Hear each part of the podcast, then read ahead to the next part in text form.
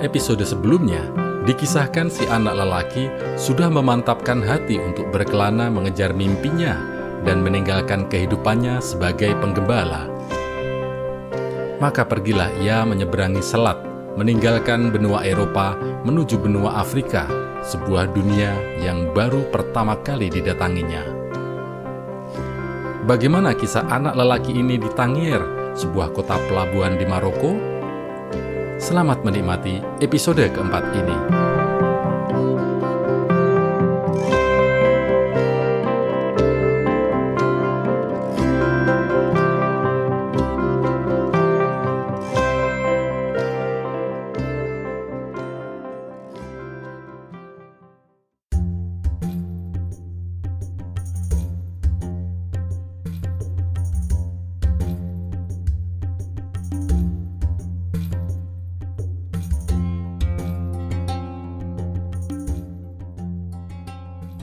Betapa anehnya Afrika, pikir anak lelaki itu.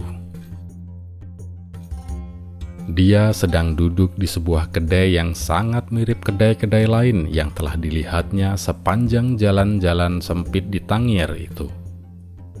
Beberapa lelaki tampak merokok dari sebuah pipa raksasa yang mereka edarkan satu orang ke orang lain Baru beberapa jam di sini, dia telah melihat sesama laki-laki berjalan saling bergandeng tangan, perempuan-perempuan bercadar, dan imam-imam yang memanjat ke puncak-puncak menara lalu melantunkan doa.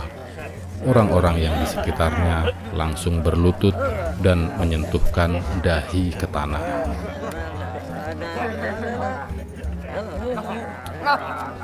Praktek orang-orang kafir si anak lelaki berkata dalam hati. Ketika masih kecil, di gereja dia selalu memandangi patung Santo Santiago Matamoros yang duduk di atas kuda putihnya dengan pedang terhulus. Sementara orang-orang seperti yang dilihatnya sekarang ini berlutut di kaki sang orang suci. Anak itu merasa sesak dan sangat kesepian. Orang-orang kafir ini memancarkan kesan jahat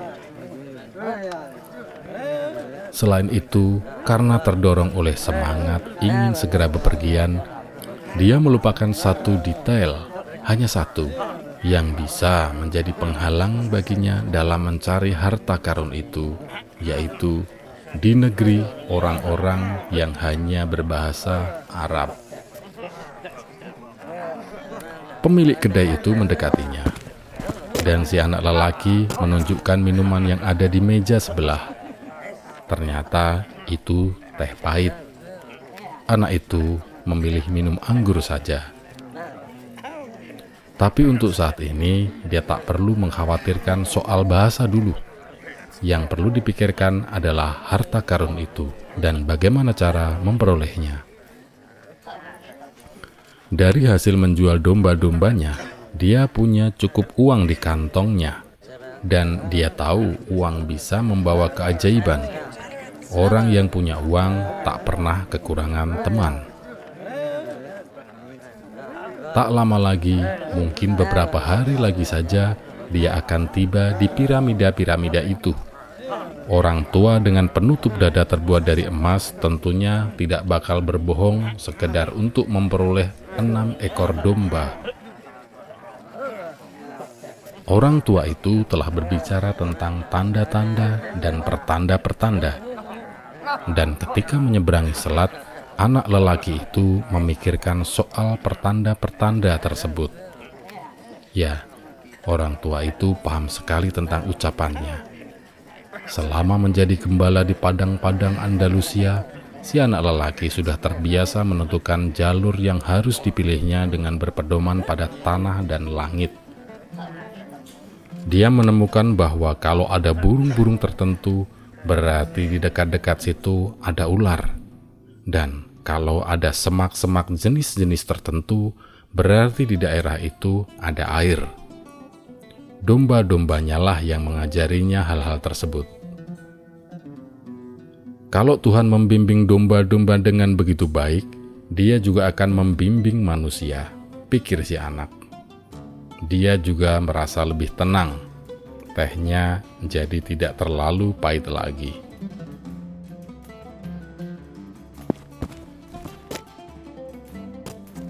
Hei, kau siapa? Seseorang bertanya padanya dalam bahasa Spanyol. Anak itu merasa lega. Dia baru saja berpikir tentang pertanda-pertanda dan tahu-tahu ada orang mendatanginya.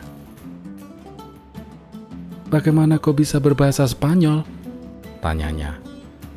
Pemuda yang mendatanginya itu mengenakan setelan barat, tapi warna kulitnya menunjukkan dia penduduk asli kota itu. Usianya kira-kira sebaya dengan si anak lelaki. Tingginya juga tidak terlalu jauh berbeda. Hampir semua orang di sini bisa berbahasa Spanyol. Spanyol cuma dua jam perjalanan dari sini.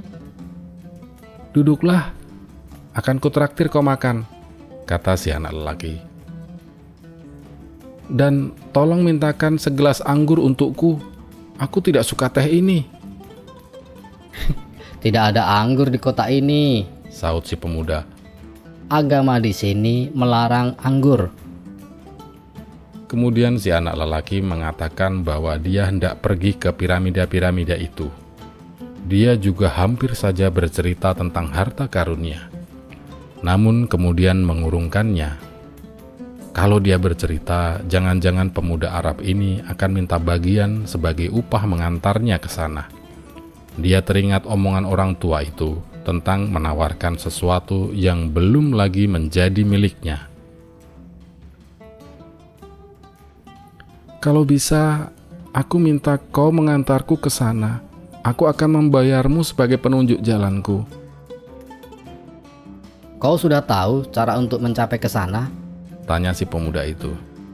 Si anak lelaki melihat pemilik kedai itu berdiri tidak jauh dari mereka, mendengarkan percakapan dengan penuh perhatian. Dia merasa tidak nyaman dengan kehadiran orang itu tapi dia telah menemukan penunjuk jalan dan tak ingin kehilangan kesempatan ini. Kau harus melintasi gurun Sahara, kata si pemuda. Dan untuk itu kau perlu uang. Aku mesti tahu dulu apakah uangmu cukup. Si anak lelaki merasa pertanyaan ini aneh. Tapi dia percaya pada ucapan orang tua itu bahwa kalau kau sungguh-sungguh menginginkan sesuatu, seisi jagat raya pasti akan bersatu padu untuk membantumu. Maka dikeluarkannya uangnya dari kantong dan ditunjukkan pada pemuda itu. Si pemilik kedai langsung menghampiri mereka dan ikut melihat. Kedua laki-laki itu saling berbicara sedikit dalam bahasa Arab, dan si pemilik kedai tampak kesal. "Ayo, kita keluar dari sini," ajak si pemuda. Dia menyuruh kita pergi. Si anak lelaki merasa lega. Dia bangkit berdiri untuk membayar minumannya. Tapi si pemilik kedai mencengkramnya dan mulai melontarkan serangkaian kata-kata nada marah. Anak itu kuat dan ingin melawan. Tapi dia orang asing di sini. Teman barunya mendorong si pemilik kedai dan menarik anak itu keluar. Dia menginginkan uangnya, katanya. Tangier tidak seperti wilayah-wilayah Afrika lain. Ini kota pelabuhan dan setiap pelabuhan selalu ada pencuri. Si anak lelaki percaya pada teman barunya ini. Pemuda ini telah menolongnya keluar dari situasi berbahaya. Anak itu mengeluarkan uangnya dan menghitungnya. Besok kita sudah sampai ke piramida-piramida itu, kata si pemuda sambil mengambil uangnya tersebut. Tapi aku harus membeli dua ekor unta dulu. Mereka menyusuri jalanan-jalanan sempit Tangir bersama-sama. Di mana-mana tampak kios-kios menjual berbagai barang. Mereka tiba di pusat sebuah alun-alun yang sangat luas yang dijadikan pasar. Ribuan orang tumpah ruah di sana, berdebat, berjualan, dan berbelanja. Sayur mayur dijual di sana, pisau-pisau belati, karpet-karpet dipajang sederetan dengan tembakau. Tapi si anak lelaki tak sedikit pun mengalihkan mata dari teman barunya, sebab seluruh uangnya ada di tangan pemuda itu. sebenarnya dia hendak meminta uangnya kembali, tapi takut tindakannya dianggap tidak ramah. Apalagi dia tidak tahu apa-apa mengenai adat istiadat di negeri asing ini. Ah, akan kuawasi saja dia, katanya dalam hati. Dia lebih kuat daripada temannya ini. Sekonyong-konyong di tengah keramaian itu, dia melihat sebilah pedang yang sangat indah. Sarung pedang itu berlapis perak, gagangnya berwarna hitam, dihiasi batu-batu permata. Si anak berjanji pada dirinya sendiri akan membeli pedang itu nanti sepulangnya dari Mesir.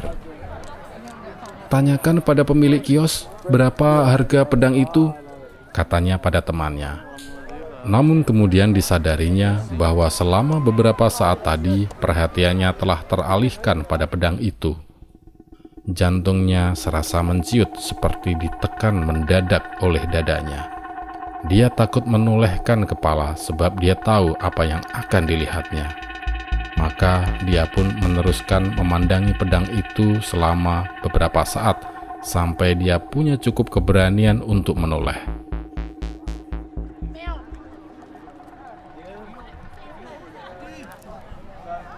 Di sekitarnya hanya ada kesibukan pasar itu dengan orang-orang yang lalu lalang, berseru-seru dan berbelanja, serta aroma makanan-makanan yang asing baginya.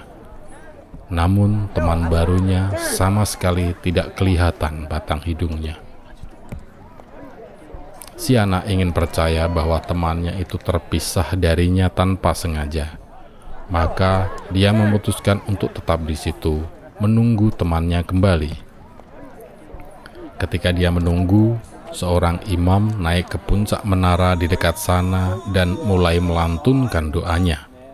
Semua orang di pasar itu berlutut menyentuhkan dahi ke tanah dan ikut melantunkan doa tersebut. Kemudian, seperti sekawanan semut pekerja, mereka membongkar kios-kios lalu pergi matahari juga mulai tenggelam. Anak lelaki itu memandangi pergeserannya selama beberapa saat sampai matahari tersembunyi di balik rumah-rumah putih di sekeliling alun-alun. Dia teringat pagi tadi ketika matahari terbit, dia masih berada di benua lain, masih menjadi anak gembala yang memiliki 60 ekor domba dan hendak bertemu seorang gadis.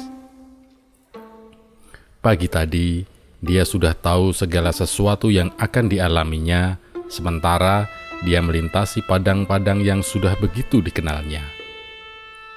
Tapi sekarang, saat matahari mulai terbenam, dia berada di negeri lain, menjadi orang asing di negeri asing pula, yang bahasanya tidak dia pahami. Dia bukan lagi anak gembala, dan dia tidak punya apa-apa, tidak juga punya uang untuk pulang dan memulai hidup baru. Semua ini terjadi hanya dalam satu hari, pikir anak itu. Dia merasa iba pada dirinya sendiri dan meratapi nasibnya karena hidupnya berubah begitu mendadak dan secara drastis pula. Dia begitu malu hingga ingin menangis.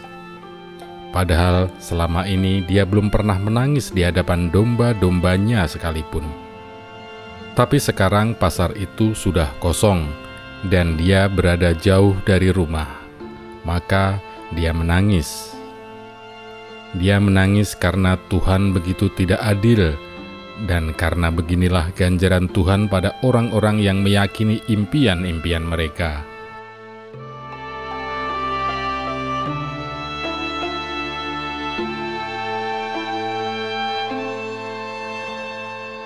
Ketika masih bersama domba-dombaku, aku bahagia, dan orang-orang lain di sekitarku ikut bahagia. Saat melihatku datang, orang-orang menyambutku dengan ramah. Pikir si anak. Tapi sekarang aku sedih sendirian. Aku akan menjadi getir dan tidak lagi bisa mempercayai orang-orang lain karena suatu orang telah mengkhianatiku. aku bakal membenci orang-orang yang telah menemukan harta karun mereka, sebab aku sendiri tak menemukan hartaku. Dan aku akan mati-matian menjaga sedikit milikku yang tersisa, sebab aku terlalu lemah dan tidak bakal bisa menaklukkan dunia. Dia membuka kantongnya untuk memeriksa apakah masih ada hartanya yang tersisa.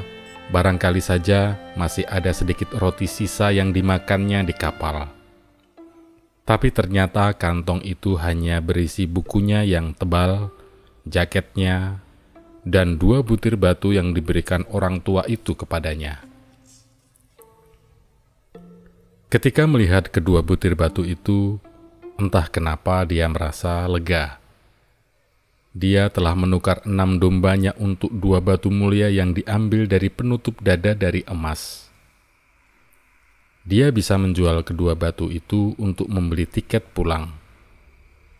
Tapi kali ini aku akan lebih cerdik, pikir si anak. Dikeluarkannya batu-batu itu dalam kantong untuk dipindahkan ke sakunya. Ini kota pelabuhan, dan seperti yang dikatakan pemuda padanya, kota-kota pelabuhan penuh dengan pencuri.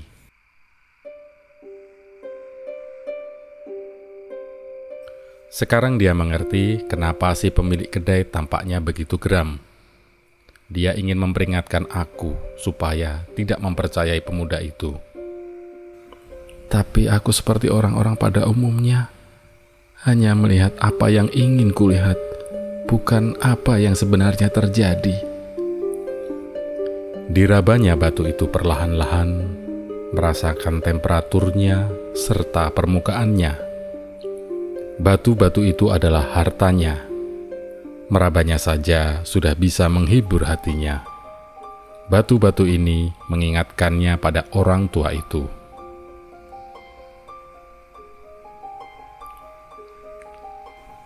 Kalau kau menginginkan sesuatu, seluruh jagat raya bersatu padu membantumu untuk mendapatkannya. Dia ingat kata-kata orang tua itu. Si anak lelaki mencoba memahami kebenaran ucapan orang tua itu.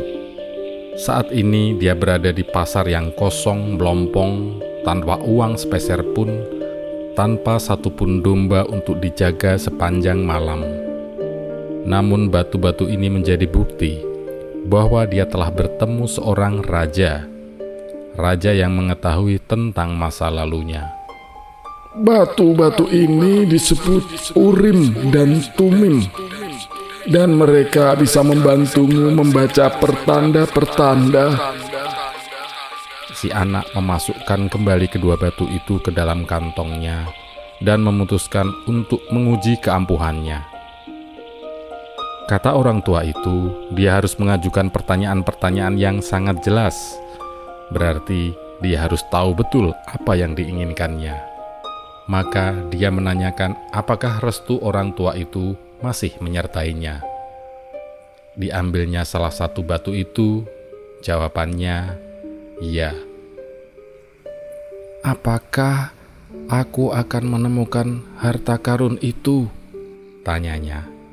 Dia merogoh kantongnya dan mencari-cari salah satu batu itu. Tapi sekonyong-konyong kedua batu itu terdorong ke lubang di dalam kantong dan jatuh ke tanah. Selama ini si anak lelaki tidak memperhatikan bahwa kantong itu berlubang. Dia pun berlutut untuk mencari umim dan tumim untuk dimasukkan kembali ke dalam kantong. Tapi saat melihat kedua batu itu di tanah, dia teringat pesan lain orang tua itu. Belajarlah mengenali pertanda-pertanda dan ikutilah petunjuk mereka, kata orang tua itu. Pertanda.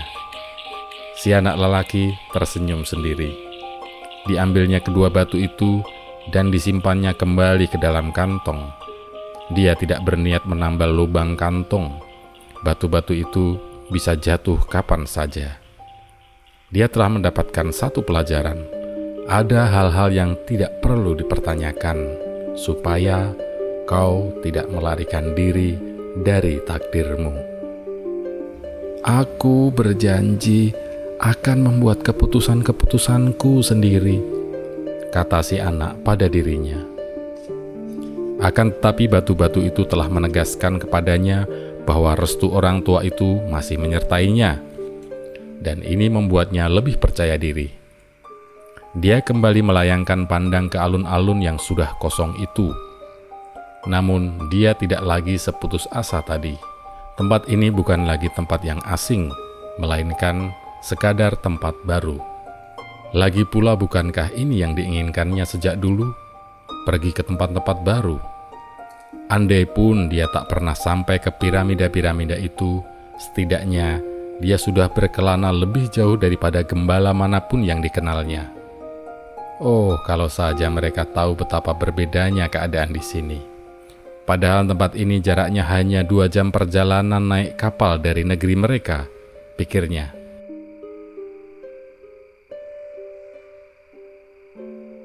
Meski saat ini dunianya hanya berupa pasar yang kosong, dia telah melihat pasar itu ketika sedang ramai-ramainya, dan dia tidak akan pernah melupakan pemandangan itu. Teringat pula olehnya pedang itu, dan dia jadi agak sakit hati. Tapi dia belum pernah melihat pedang seperti itu. Ketika sedang asik berpikir-pikir tentang berbagai hal tersebut, dia pun sadar bahwa dia mesti memilih menganggap dirinya anak malang korban pencuri atau petualang yang hendak mencari harta karun. Hmm. Aku adalah petualang yang hendak mencari harta karun, katanya pada diri sendiri.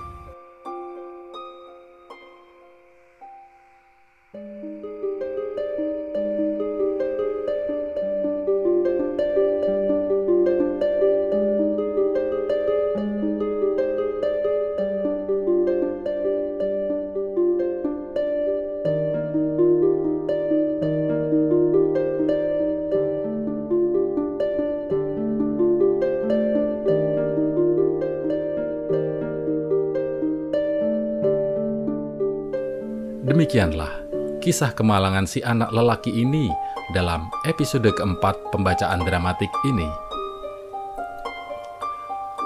Apa yang akan dia lakukan di kota yang asing itu? Apakah dia akan pulang ke Spanyol, sedangkan dia tak punya uang sama sekali? Bahkan dia pun tak bisa berbicara dalam bahasa Arab. Ikuti terus kisah ini dalam episode-episode selanjutnya. Sampai jumpa.